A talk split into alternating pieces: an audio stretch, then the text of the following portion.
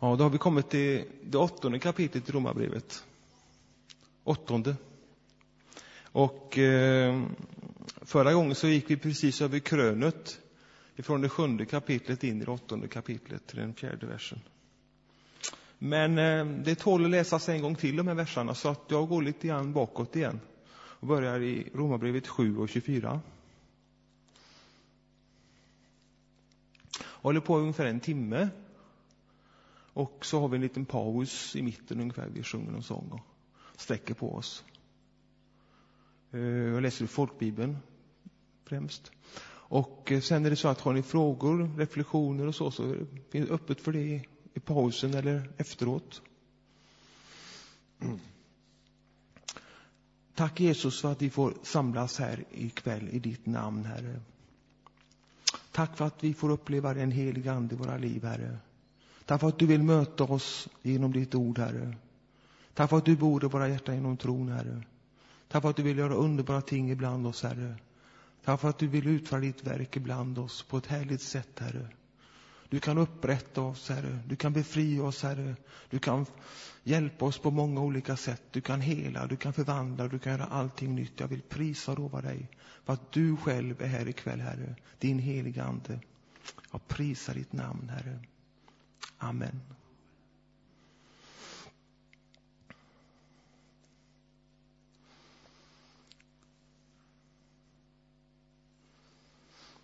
Så ifrån den 24 versen i det sjunde kapitlet då Paulus utropar Jag, arma människa, vem ska frälsa mig från denna dödens kropp? Gud var det tack, Jesus Kristus, vår Herre. Alltså känner jag själv med mitt sinne Guds lag, men med köttet känner jag syndens lag. Och eh, jag tänker på Petrus, när han var på stranden där vid den Galileiska sjön. Han föll ner för Jesu fötter och utbrast. Gå bort ifrån mig, Herre, jag är en syndig människa. Och jag tror det att får vi verkligen möta Herren, då känner vi, upplever vår syndfullhet och vår ovärdighet.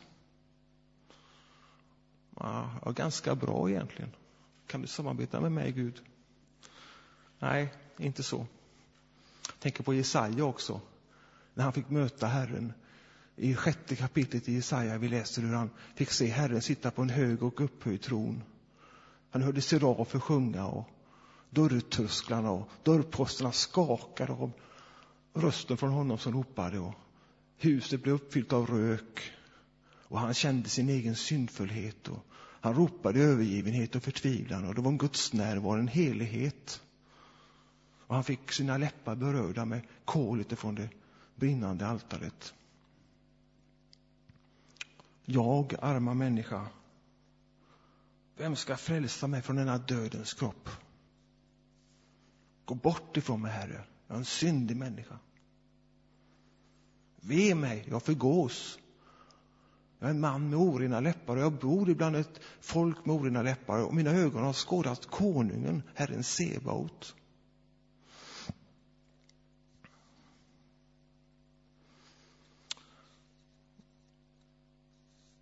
Så vers 1 i åttonde kapitlet. Så finns nu ingen fördömelse för dem som är i Kristus Jesus. Vi har ju läst detta tidigare och vi kan läsa det om och om igen. Och eh, jag tänker på den här morgonen då Jesus satt där vid Olivberget och undervisade. Och så blev det mitt i sin undervisning. Fariséerna och de skriftliga för fram en kvinna till honom som de hade ertappat på bar gärning, haft sex utanför äktenskapet. Ja, sannolikt hade hon spenderat natten med en man. Och hon var säkert inte speciellt välvilligt inställd att komma till Jesus. Blev liksom för dit, draga. De kom dragandes dit med henne. Kanske fientligt inställd rent av. I alla fall så var hon säkert inte vid något gott mod. Och det hon gjort i enrum med en säng, i sängen med en man, det blir som exponerades ut nu i offentlighetens ljus. Skuldkänslor, skamkänslor. Och man pratade insmickrande till Jesus. Ska vi gå till Johannes åttonde kapitel, vi läser om detta här.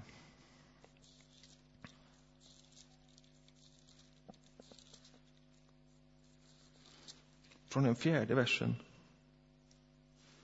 Mästare, den här kvinnan greps på bar gärning när hon begick äktenskapsbrott. I lagen har Moses befallt att stena sådana. Ja, vad säger du då? Detta sa du för att snärja honom och ha något att anklaga honom för. Men Jesus böjde sig ner och skrev med fingret på marken. När det stod kvar och frågade dem reste han sig och sa, den som är utan synd må han kasta första stenen på henne. Han böjde sig ner igen och skrev på marken. Och eh, jag är inte så hemma på grekiska, men det, det står, jag har fått till mig att grafin det betyder skriva och kato betyder kasta eller kasta ner. Och han skrev med fingret på marken. Och detta här har gett upphov till tanken på att han skrev ner deras överträdelser och synder i, i sanden där. Och allt eftersom han skrev började de ursäkta sig från den yngste till den äldste. Och sannolikt skrev han deras namn och vad de senast hade gjort. Och så kom de på att de skulle göra andra saker. De kom plötsligt på andra saker och så försvann de den ena efter den andra. Och han blev ensam kvar med kvinnan. Ifrån den nionde versen.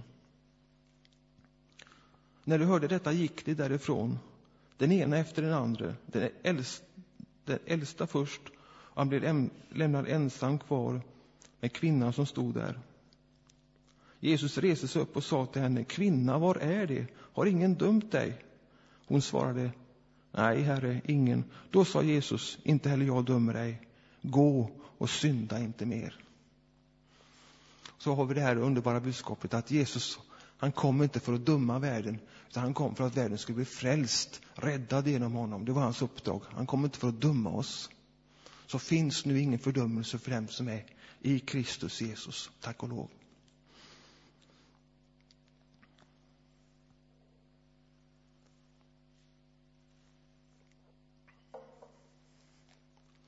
Så har vi vers 2. Ty livets andeslag har i Kristus Jesus gjort mig fri från syndens och dödens lag.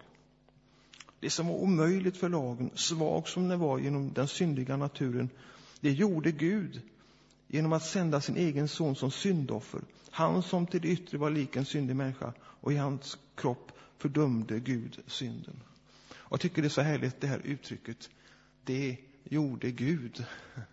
Och jag tycker att det skulle kunna vara en rubrik för det här åttonde kapitlet. Det gjorde Gud. Och det, han gör det genom den heliga Ande. Genom livets andes lag gör han det. Den tredje personen i gudomen. Han gör det i oss. Om vi är villiga att så in i vår andliga åker. Det vill säga så in Guds ord i vår andliga människa. Jag tänker på det här, den centrala versen, jag har läst den flera gånger i, Roma, i Galaterbrevet 6 och 8. Galaterbrevet 6 och 8. Den som sår i sitt kötts åker skall av köttet skörda undergång, men den som sår i andens åker skall av anden skörda evigt liv. Och eh, det är därför vi samlar det här, för att vi ska så Guds ord in i våra liv och se vad Gud gör. Det gör Gud. Han vill göra någonting här ikväll. Han vill göra någonting underbart i våra liv. Så vers 4. Så skulle lagens krav uppfyllas i oss som inte lever efter köttet utan efter anden. Så eh, Kristus bor i mig och jag bor i honom. Och Gud ser mig i Kristus. Men han ser mig också i hans fullbordade verk. Och låt oss gå tillbaka till det fjärde kapitlet och den sjuttonde versen. Sista delen där. Senare delen. Romarbrevet 4 och 17. Honom som gör det döda levande och kallar på det som inte är som om det vore till. Så han kallar på saker innan det var till. Eftersom att han visste att det skulle bli till. Så Gud talar om sådant som, om det existerar, som om det existerar fast det inte existerar egentligen. Men han vet att det kommer att existera. Hur Gud är av evighet. Han är allsmäktig, han är allvetande. Han vet allting i förväg. Han vet precis vad som ska ske. Han har total överblick.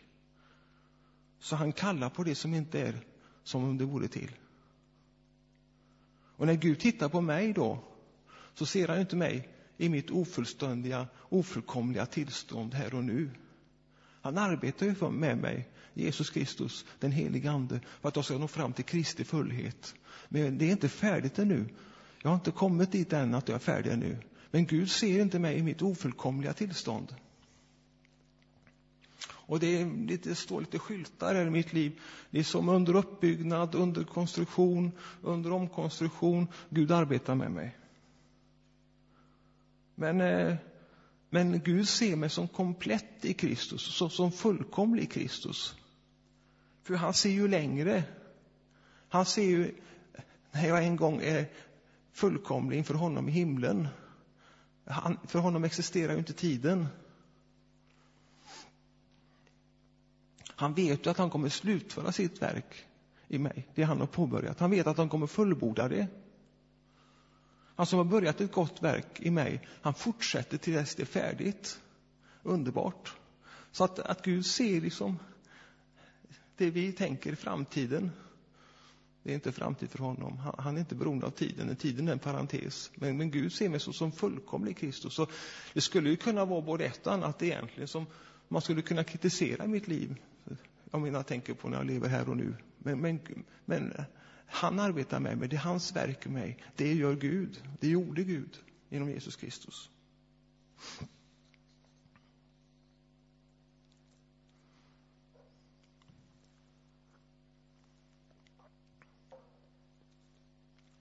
Så den femte versen.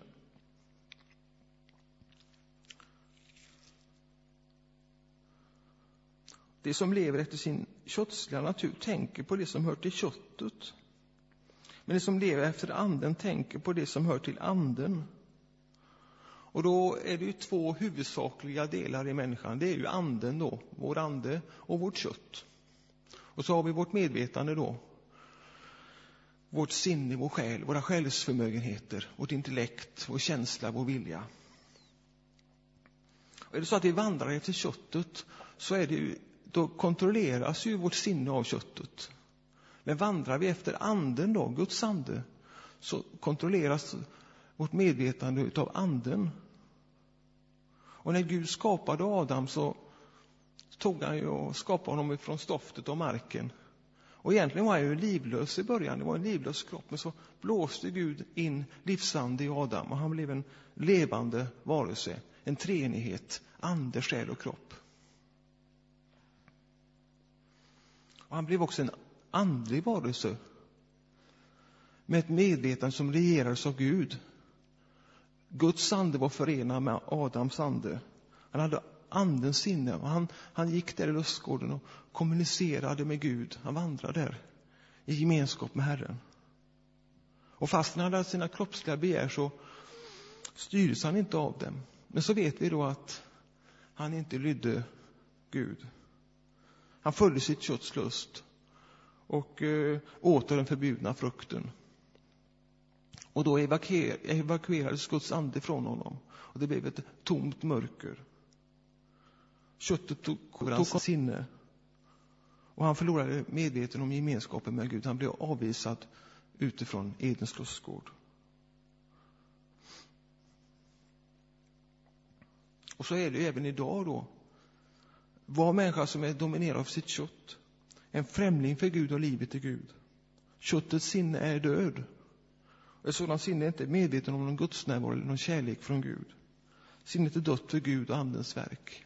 Så det är bara genom den heliga Ande vi kan ha liv och ett gemenskap med Herren. Och I Johannes 3 och 6 läser vi om pånyttfödelsen. Johannes evangelium, tredje kapitel,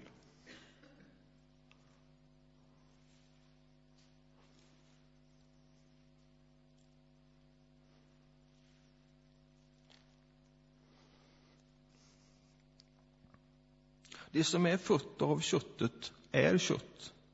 Det som är fött av anden är ande.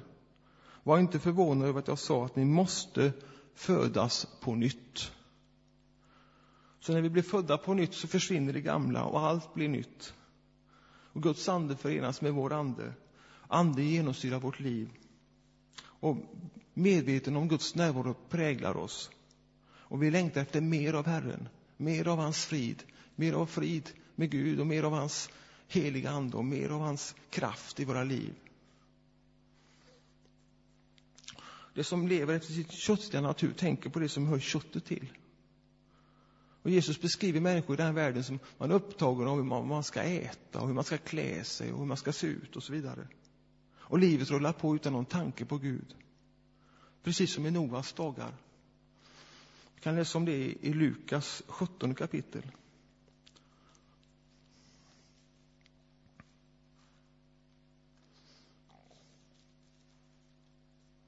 i Lukas 17 och 26. Som det var på Noas tid, så ska det vara under Människosonens dagar. Folk åt och drack och gifte sig och blev bortgifta. Och ända till den dag då Noa gick in i arken och floden kom och gjorde slut på dem alla. Men de som lever efter anden, de tänker på det som hör anden till. Födda på nytt, upptagna med Herren, med hans verk, med hans vägar, med hans ord och med hans kärlek. Och vi söker hans rike först. Och, och vi kan avgöra vad, vad är skillnaden, vad är det då som visar att vi vandrar i den heliga Ande? Ja, det är vad, vad som vi har i vårt sinne, vad tänker vi på, vad är vi upptagna av? Vad har vi för livsprojekt? Vad är vi engagerade i? Vilka intressen har vi? Är det Guds verk? Är det det andliga livet vi är intresserade av? Är det det som är det förhärskande? Är det det som är nummer ett? I vilken bank har vi investerat vårt kapital? Är det de här äh, jordiska bankerna som, ja det är ju högst temporärt och vi vet hur det går med penningvärdet och så vidare. Och vi vet hur det går i samhället också. Vi ser utvecklingen. Eller har vi investerat i den himmelska banken med eviga resultat? Tänk eviga resultat. Vi ska vara tillsammans med Gud i all evighet. Är det där vi liksom har lagt krutet, så att säga?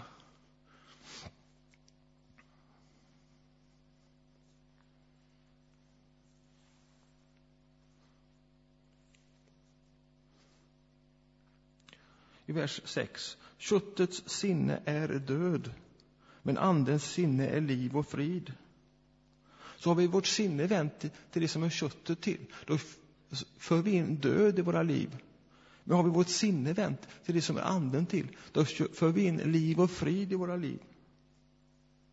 Men vi ska också vara på vakt mot, vakt mot en falsk andlighet. Jag tänker på att eh, Paulus talar inte om att vi ska avstå från att äta och klä oss och leva ett normalt liv, så att säga.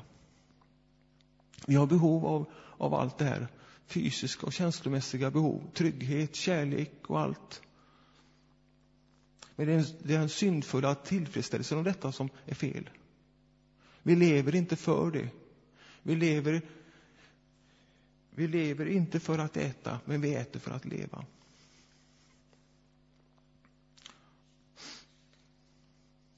Och Max Weber då, det är en känd eh, sociolog. Då. Han har ju beskrivit utvecklingen då från slutet av 1700-talet i kristenheten fram till våra dagar. Och han, har, han berättar då liksom hur han har sett det här att de här andliga målen som man har haft, eller vi har haft då i historien, har ersatts med fysiska, materiella mål. Och när man väl har ersatt det här andliga målet med fysiska, materiella mål, då har ju grunden här för de andliga målen, den har inte behövts längre, alltså den andliga grunden, förutsättningarna. Och han beskriver då en man vid Benjamin Franklin då, som eh, ritar upp liksom principer för att mm, öka kapitalet, öka vinsten i Amerika. Då. Och han, han pekar på det liksom att hur snarlikt det är, de här principerna är, är, är kristen etik. För han, han Franklin han skrev, skriver om sådant som punktlighet och flit och sparsamhet och hederlighet. Och det är bara det att ordet Gud är borta liksom. Och det är det som händer. Vi börjar i nåden. Vi upplever Guds nåd till frälsning. Helt fantastiskt, mirakulöst.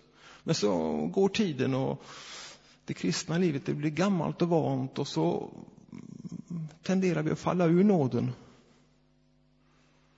Och det blir formellt och det blir legalt och det blir plikt. Vi följer regler, slentrian. Kärleken finns inte där längre. Och Gud behöver till slut inte finnas med i bilden. Vi fixar det liksom på något eget sätt. Liksom. Och så byter vi ut de andliga målen mot materiella, fysiska mål. Det är det som sker i våra liv. Om vi inte lever i den heliga Ande.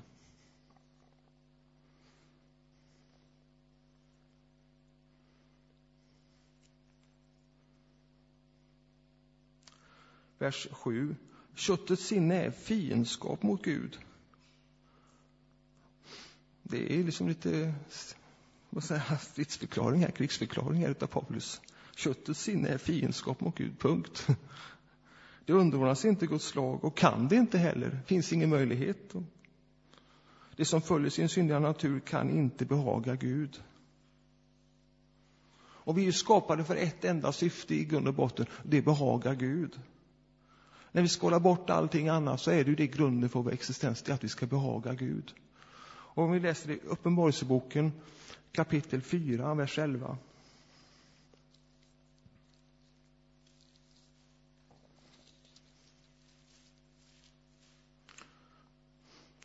Uppenbarelseboken 4, 11. Du, vår Herre och Gud, är värdig att ta emot pris, ära och makt, ty du har skapat allt. Genom din vilja kom det till och blev skapat. Du har skapat allt och vi är en del i Guds skapelse och genom hans vilja har vi kommit till och blivit skapade. Så när vi lever ett liv där vi behagar Gud, då lever vi ett rikt liv, ett meningsfullt liv. Och det är som David säger, min bägare flödar över. Men när vi lever för att behaga oss själva, ja, då är det alltid att vi inte blir tillfredsställda. Det är alltid avsaknad av någonting mera. Det kommer alltid vara det här malandet inom oss, att vi kräver mera. Och vi, det håller oss i ett tillstånd av frustration. Livet har väl mer att erbjuda. Om jag bara hade det, om jag bara hade det, då skulle jag vara lycklig. Och vi har räknat ut det som ska ge oss lycka. Och så när vi når de här målen då, så ser vi det att de är tomma, de här målen. Vi behöver fortfarande mera. Jesus sa till kvinnan vid brunnen, ifall du dricker av det vattnet kommer du att åter bli törstig. Och vi tänker på Salomo då. Han testade allt på det som köttet hade att erbjuda. Han prövade allt. Han fann att det var tomt och försvinnande. Han missunnade sig inte någonting av det hjärtat önskade. Och när han kom till vägs ände sa han, tomhet, tomhet, allting är tomt. Och ett jagande efter vind.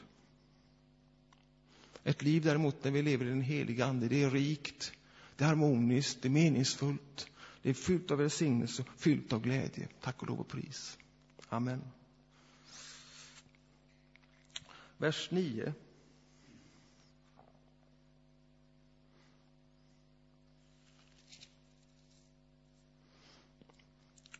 Ni däremot lever inte efter köttet utan efter anden eftersom Gud bor i er. Den som inte har Kristi ande tillhör inte honom. Och med det menas ju då att varje troende, varje kristen, varje pånyttfödd har den heliga ande. Så det är ju lite tokigt då att dela upp kristna i andefyllda och icke andefyllda. Men alla har ju inte upplevt andens fullhet. Och det finns ju mer att få. Att ständigt uppfyllas av den helige ande. Det Paulus talar om. Låt er istället uppfyllas av anden. Och Jesus beskriver hur strömmar av levande vatten ska strömma fram i vårt inre, så som skriften säger. Det är den heliga ande. Att vandra i den heliga ande. Att vandra i den heliga ande, ande varenda dag. Inte bara ibland, inte bara tillfälliga visiter, inte bara vissa känsloupplevelser, utan att leva i den heliga ande varenda dag. En daglig upplevelse av den helige Ande.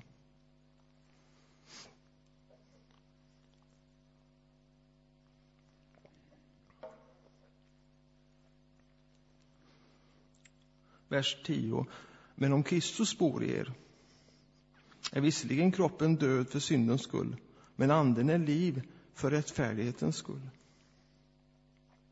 Så för att få syndernas förlåtelse, då måste jag se Kristus på korset, att han har burit min synd, att han har tagit mitt straff för synderna. Jag ser på korset, jag ser att Jesus hänger där. Han har betalt priset för min återlösning. Jag har nu syndernas förlåtelse. Men ska jag få seger över synden, makt över synden, ja, då måste jag själv bli korsfäst med Kristus. Då måste jag se mig själv hänga vid sidan om Jesus där på korset, så att säga. Den gamla nat naturen, det gamla livet. Död från synden. Jag fortsätter inte att leva i synd. Död från lagen. Jag försöker inte lösa det i egen kraft. Utan det är hans kraft genom den heliga Ande, genom försoningen. Så att se Kristus dö på korset, det ger mig syndernas förlåtelse. Men att jag ser mig själv hänga med Kristus på korset, korsfäst med honom, det ger mig seger över synden. Nu lever inte längre jag, utan nu lever Kristus i mig, tack och lov. Vers 11. Och om hans ande som uppväckte Jesus från de döda bor i er, då ska han som uppväckte Kristus från de döda göra också era dödliga kroppar levande genom sin ande som bor i er. Och då är det ju de här hopplösa kropparna som vi dras med då, som vi kämpar med och sliter med. Och det är köttet som ställer till det för oss. Men en dag så ska det bli en ändring på den punkten. En dag ska våra kroppar bli förvandlade. Följ med mig till första Korinthierbrevet 15 och 51. Tack och lov. Vilken underbar stund. 15 och 51 i första Korinthierbrevet.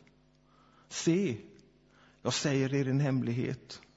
Vi ska inte alla insomna, men vi ska alla förvandlas i ett nu, på ett ögonblick, vid den sista basunens ljud. Ty basunen ska ljuda och de döda ska uppstå odödliga och vi ska förvandlas.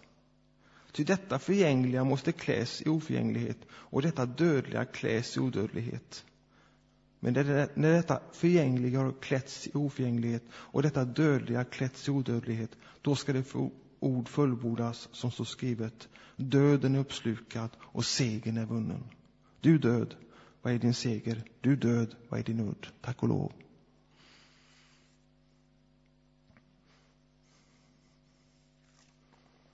Och vers 12. Vi har alltså skyldigheter, bröder, men inte mot vår onda natur, så att vi ska leva efter köttet.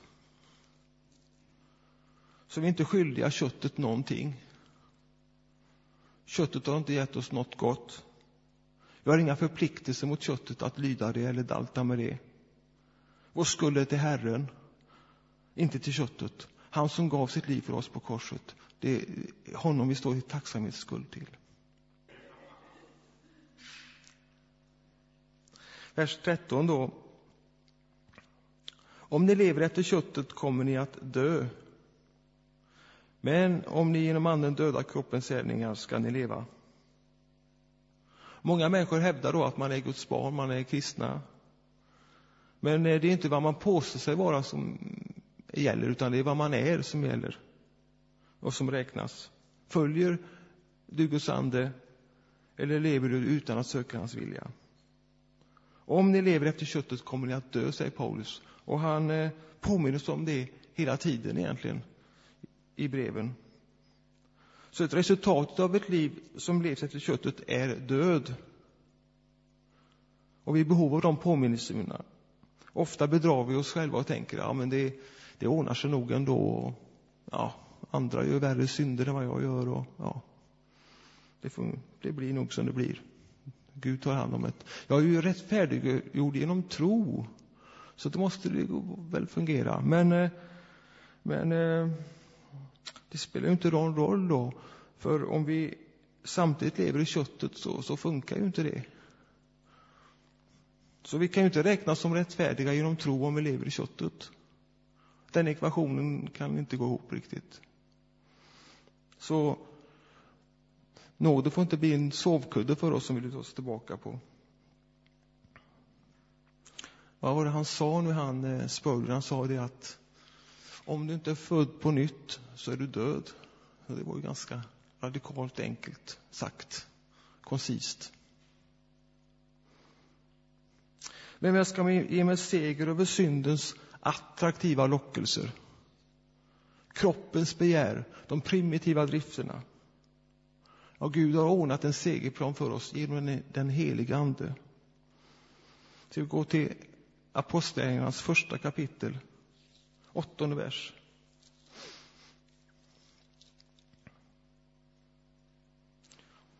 Och det är de här underbara orden. Men när den heliga Ande kommer över er skall ni få kraft att bli mina vittnen. I Jerusalem, i hela Judeen och Samarien och sedan in till jordens yttersta gräns. Så det är med den heliga Ande vi kan få uppleva seger över syndens attraktiva lockelser, över det här begäret som finns inom oss. Genom Andens kraft är vi i stånd att döda köttets gärningar, att hålla köttet i ett dödstillstånd. Det gör Gud genom den heliga Ande i våra liv. Och nu ska jag göra en liten eh, resumé här då, tillbaka lite grann i Romarbrevet. Och jag tänkte använda mig av bilderboken i Gamla testamentet, Exodus, eh, Andra Mosebok och använda de bilderna där. För att påminna oss lite grann om vad vi har gått igenom. Och då tänker vi oss först Egypten där då. Där var ju Israels folk i slaveri. Och det är en bild på världen som håller oss i slaveri och i syndens grepp. Och så har vi farao då, som inte släppte Israels folk så att de kunde hålla gudstjänst i folket i öknen. Och det är en bild på Satan då som inte vill släppa oss fria. Men så läser vi om det hur Gud på ett mirakulöst sätt förde Israels folk ut ur Egypten genom mäktiga under och tecken, men framför allt genom försoningen, genom blodet. Blodet som ströks på dörrposterna och dörrtrösklarna i Egypten. En bild på Jesu Kristi försoning och en bild på hur vi har blivit fria från världen, ifrån det gamla sammanhanget. Romarbrevet 1 5. Och sen är det här passerandet genom Röda havet. Då. Vi, vi läste ju om att Israels barn gick genom Röda havet och vattnet var som en mur på bägge sidor om dem. Och eh, egyptierna kom efteråt också. Och det är en bild på dopet. Hur vi lämnar det gamla livet bakom oss. Och vi lever ett nytt liv med Gud. Och eh, vi är döda från synden. Vi fortsätter inte att synda. Inte i någon aktiv synd. Och sen har vi kapitel 7 då i Romarbrevet som jag betecknar då som den här ökenvandringen. Ni vet att eh, de fick ju vandra i öknen kunde väl i och för sig gått ganska fort den här resan till Kanans land, men det, det höll de på att trampa i 40 år. Och det är ju det när vi försöker leva ett liv efter Guds behag i kraft av köttet. Det är, det är ju en kamp för oss. Och jag vill gå tillbaka igen då lite grann i Romarbrevet här då, i kapitel 7, vers 15 då. Det var ju det som han Paulus kämpade med där.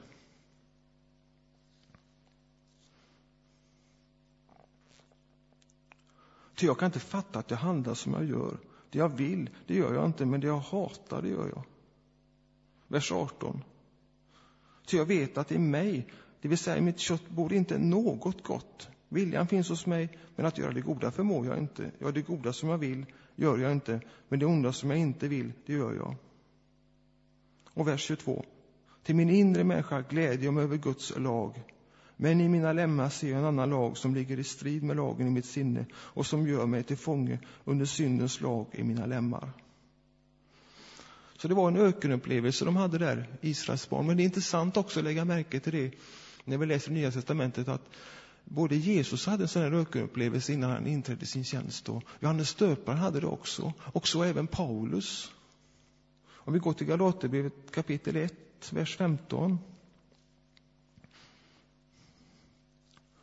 Så kan vi se det att han var ju där i arabiska öknen i tre år och i Damaskus innan han kom i funktion.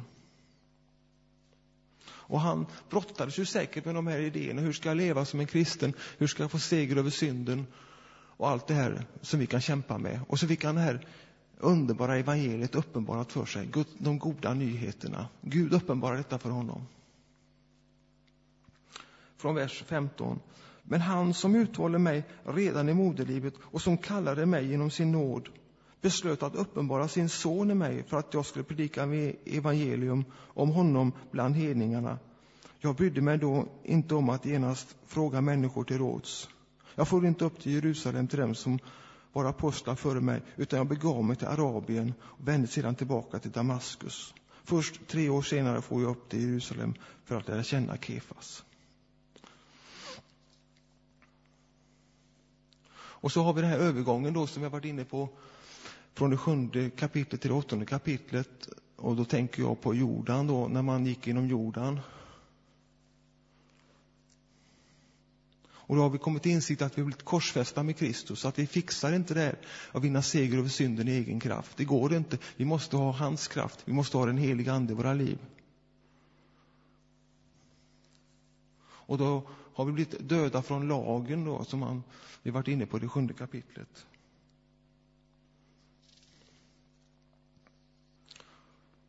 Då kan vi läsa det också där då i övergången där en gång till då.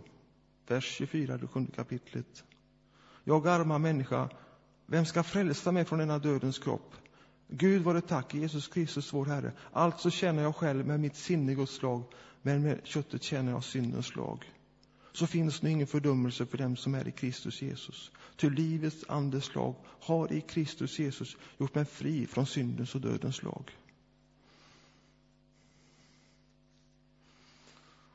Nu tänker sig säkert många det här löfteslandet, Kanas land, som en bild på himlen. Men det är lite problem med den tanken, för att i löfteslandet, i Kanas land, så, så var det ju strider. Man stred ju mot olika folk där och intog olika områden. Och i himlen, där blir det ju inga strider, vad jag vet. Det finns ingen djävul där och, och så, så att det är svårt att egentligen likna löfteslandet vid himlen. Utan jag tänker nog mer att det är Andens liv, överflödande liv i Kanans land. Ett land som flyter av mjölk och honung.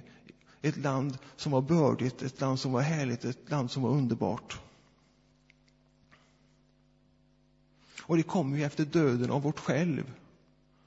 Och våra egna begär och våra egna lösningsförsök. Att fixa det här och leva i seger över synden på egen hand. Vi kan läsa om det att det var ju liksom strider både i öknen för Israels barn och strider i löfteslandet. Men det var en skillnad. Och det var det att striderna i löfteslandet gynnade Israels barn till skillnad från striderna i öknen. Och så har vi då Moses, då, lagens representant. Han kom inte in i löfteslandet. Han fick stanna på andra sidan gränsen.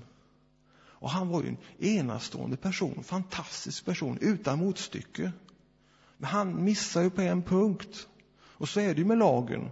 Om vi håller hela lagen men missar på en enda punkt så är vi skyldiga till allt, dessvärre, dessvärre. Det går inte genom lagen.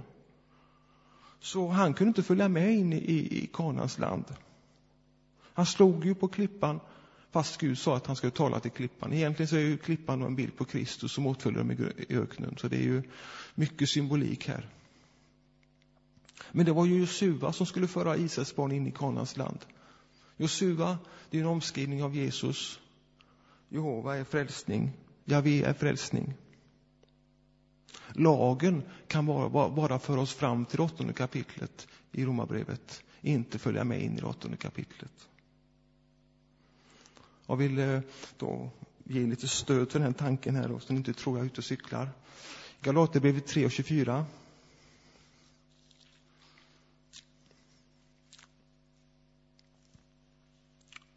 Så blev lagen vår övervakare fram till Kristus för att vi ska förklaras rättfärdiga av tro. Men sen tron har kommit står vi inte längre under någon övervakare. Och I 1917 års översättning står det att lagen blev vår uppfostrare fram till Kristus. Och vad var det lagens uppgift då? Det var att visa att, att vi var syndare och att vi var i behov av en frälsare. att vi var i behov av Jesus. Och Om vi inte förstår att vi är syndare, då är vi inte i behov av någon frälsare. Men då har Jesus tagit över. Och han för oss in i Andens nya liv i det åttonde kapitlet. Sen var det ett problem också. Och nu tänker jag lite framåt här då. Eh, I löfteslandet, i Kanans land, så intog man ju inte alla områden som man skulle. Vi kan ju läsa om det i Josua bok. Och jag vet inte hur det är med ditt liv och med mitt liv, men eh, det finns nog mer områden att inta, tror jag, i våra liv. Men eh, vi läser om Kaleb då, han var ju en alldeles speciell person. Han, han hade ju någon annan inställning än de andra. Vi läser ju om honom bland de här tolv spejarna och så vidare. Men, men han pratar med Josua när, när de kommit in i Kanans land och så säger han, ge mig den här bergsbygden, den som jag talade om dig med i Kades Barnea. Och det var ju 45 år sedan. Och så säger han så här, som min kraft var då så är den också nu. Och, och liksom den här inställningen, jag ska inta det här området, jag ska få mer utav Gud, jag ska ha mer utav Jesus, jag ska ha mer utav den helige Ande. Kalebs ande.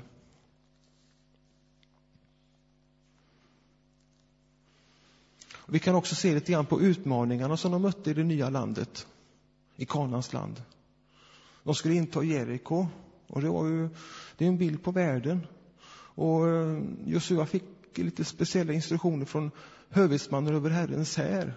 Och det här skedde ju på ett lite förvirrat sätt då i, i människors ögon. Man, så man vandrar ju kring den här staden tror jag det var sex dagar en gång och sen sjunde dagen sju gånger och sen blåste man i blåsinstrument och ut, hade något härskri och så föll murarna då på ett förundligt sätt. Och så har vi det här, när de kom till den här staden Ai då, stavas väl AI, men Ai. Och där gick det ju illa för att där tänkte man väl som så här att ja, vi är inte så beroende av Gud längre. Vi klarar nog det här mm, liksom själva, till egen kraft och sådär. Men det gick som det gick. Det blev bakslag där. Och så har vi gibeoniterna också. Inte gideoniterna utan gibeoniterna. Det var ju, de var ju förrädiska det här folkslaget. De bodde i Kanans land men hade klätt ut sig då. Och Så liksom var de bra skådespelare då, så de sa att ja, vi har kommit från ett långt land, och, eh, äh, lång, äh, eh, land långt fjärran ifrån och, och så vidare. Och, och så lurar de ju då Israels barn där. Och Gibeoniterna hade ju en bild på falsk förkunnelse, falska bröder. Och det var ju det Paulus fick uppleva. Fienden, han vill ju gärna lura oss och bedra oss. Så det var en liten resumé då utifrån Andra Mosebok. Jag tänker på Romarbrevet. Jag tycker det är fantastiska bilder i Gamla Testamentet. Väldigt fantastiskt bildspråk.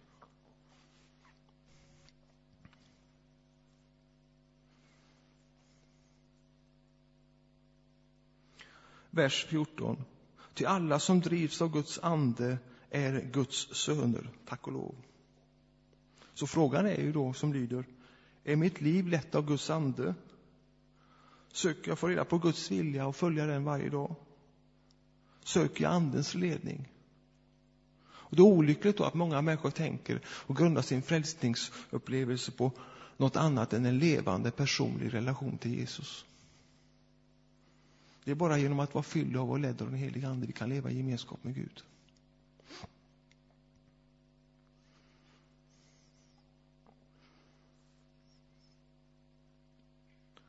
Vers 15. Ni har inte fått slaveriets ande så att ni på nytt ska leva i fruktan. Nej, ni har fått barnaskapets ande i vilken vi ropar Abba, fader. Så Paulus tydliggör för oss att vi har inte fått slaveriets ande. Vi har inte någon formell eller legal relation till Gud. Judarna hade ju det, de hade ju en sån här legal relation till Gud. Om de följde budorden och höll lagen så skulle Gud vara deras Gud och det skulle vara hans folk. Och det var ett legalt slag av dokument som låg till grund för deras överenskommelse. Men vi har ju en kärleksrelation till Herren. Att leva som Guds barn är ju att leva ett intimt förhållande till honom. En förtrolig, glädjefylld relation till honom. Inte i bundenhet och fruktan som kommer av lagen. Vi lever så nära Herren så vi kan ropa pappa. Och i det hebreiska ordet Abba då, som står här, det kan egentligen kanske bäst översättas med pappa. Liksom ett barn som ropar till sin pappa. Pappa. Hej pappa. Och sen är vi ju inte Guds barn på ett naturligt sätt som Jesus, inte av härkomst, inte av egna meriter, men vi är då nådefullt adopterade som hans barn. Och hur gick det då, till i det romerska riket? Och adoptivsonen då, oftast äldre personer då, än, vi tänker ju barn vi, men där var det äldre personer, utvaldes av sin adoptivpappa till att bära hans namn och ärva hans tillgångar. Och när det här adoptivsonen kom in i familjen så hade den ingen, inte någon underordnad ställning i jämförelse med den infödde sonen eller de infödda barnen. I den romerska adoptionen förändrades livet och ställningen totalt. Man förlorade alla sina rättigheter i den gamla familjen och erhöll alla nya rättigheter i den nya familjen. Och, och de gamla skulderna och allt det var utraderat. Det var annullerat. Det var ingenting som kunde hänga vid eller ligga till last i det nya förhållandet.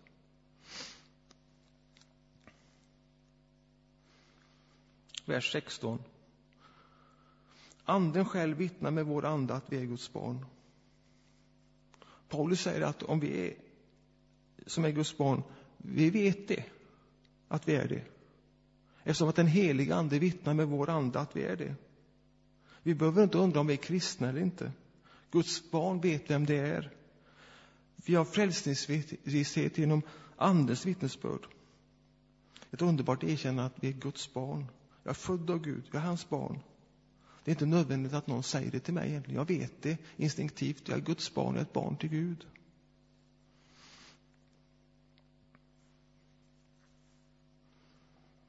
Och vers 17. Men är vi barn är vi också arvingar. Guds arvingar, Kristi medarvingar, lika visst som vi lider med honom för att också bli förhärligade med honom. Och det här är ju helt, helt ofattbart. Tänk att vi är Guds barn. Och tänk att vi ärver, att vi är arvingar. Det, tanken svindlar ju. Tänk att han har, han har gjort mig till sitt barn, att jag, en arvinge till Gud. Jag förstår inte detta. Och, och Gud har gett Kristus allting eftersom att han är hans son. Och, och genom Jesus Kristus, genom tro på honom har jag blivit ett Guds barn. Jag är medarvinge till Kristus, till Jesus Kristus. Ofattbart. Himmelska miljonärer. Vi går fram till den 32 versen, läser vi. Han som inte skonade sin egen son, utan utelämnade honom för oss alla, hur skulle han kunna annat än också skänka oss allt med honom?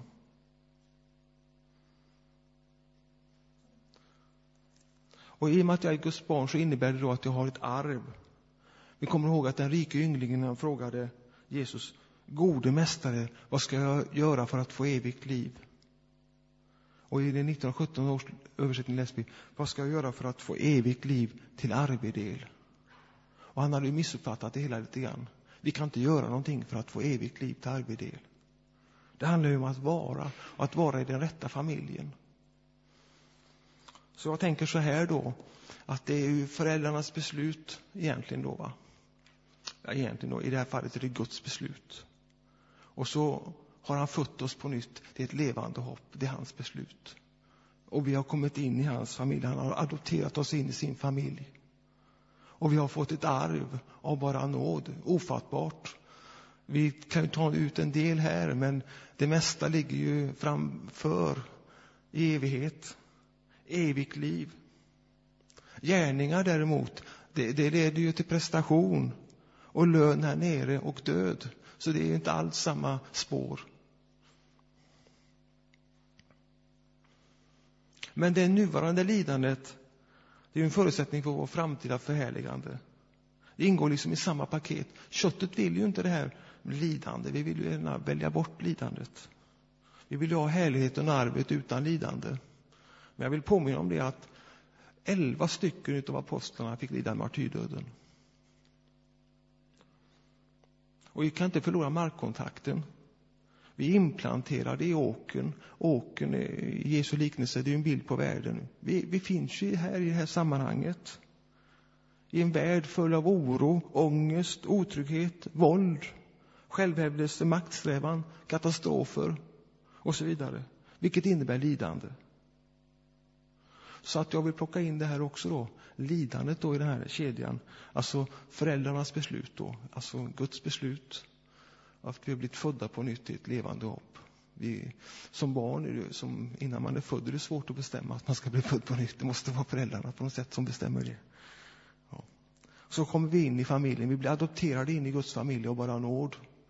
Egentligen så är ju det här inte riktigt fullständigt, för vi är ju inte tillsammans med Gud, Fadern, ännu. Det kommer ju bli när vi kommer upp dit i himlen, eller det ska vara tillsammans med honom i evighet. Så det är lite ofullständigt ännu, men vi har ju den heliga Ande inom oss i alla fall, som representerar treenigheten.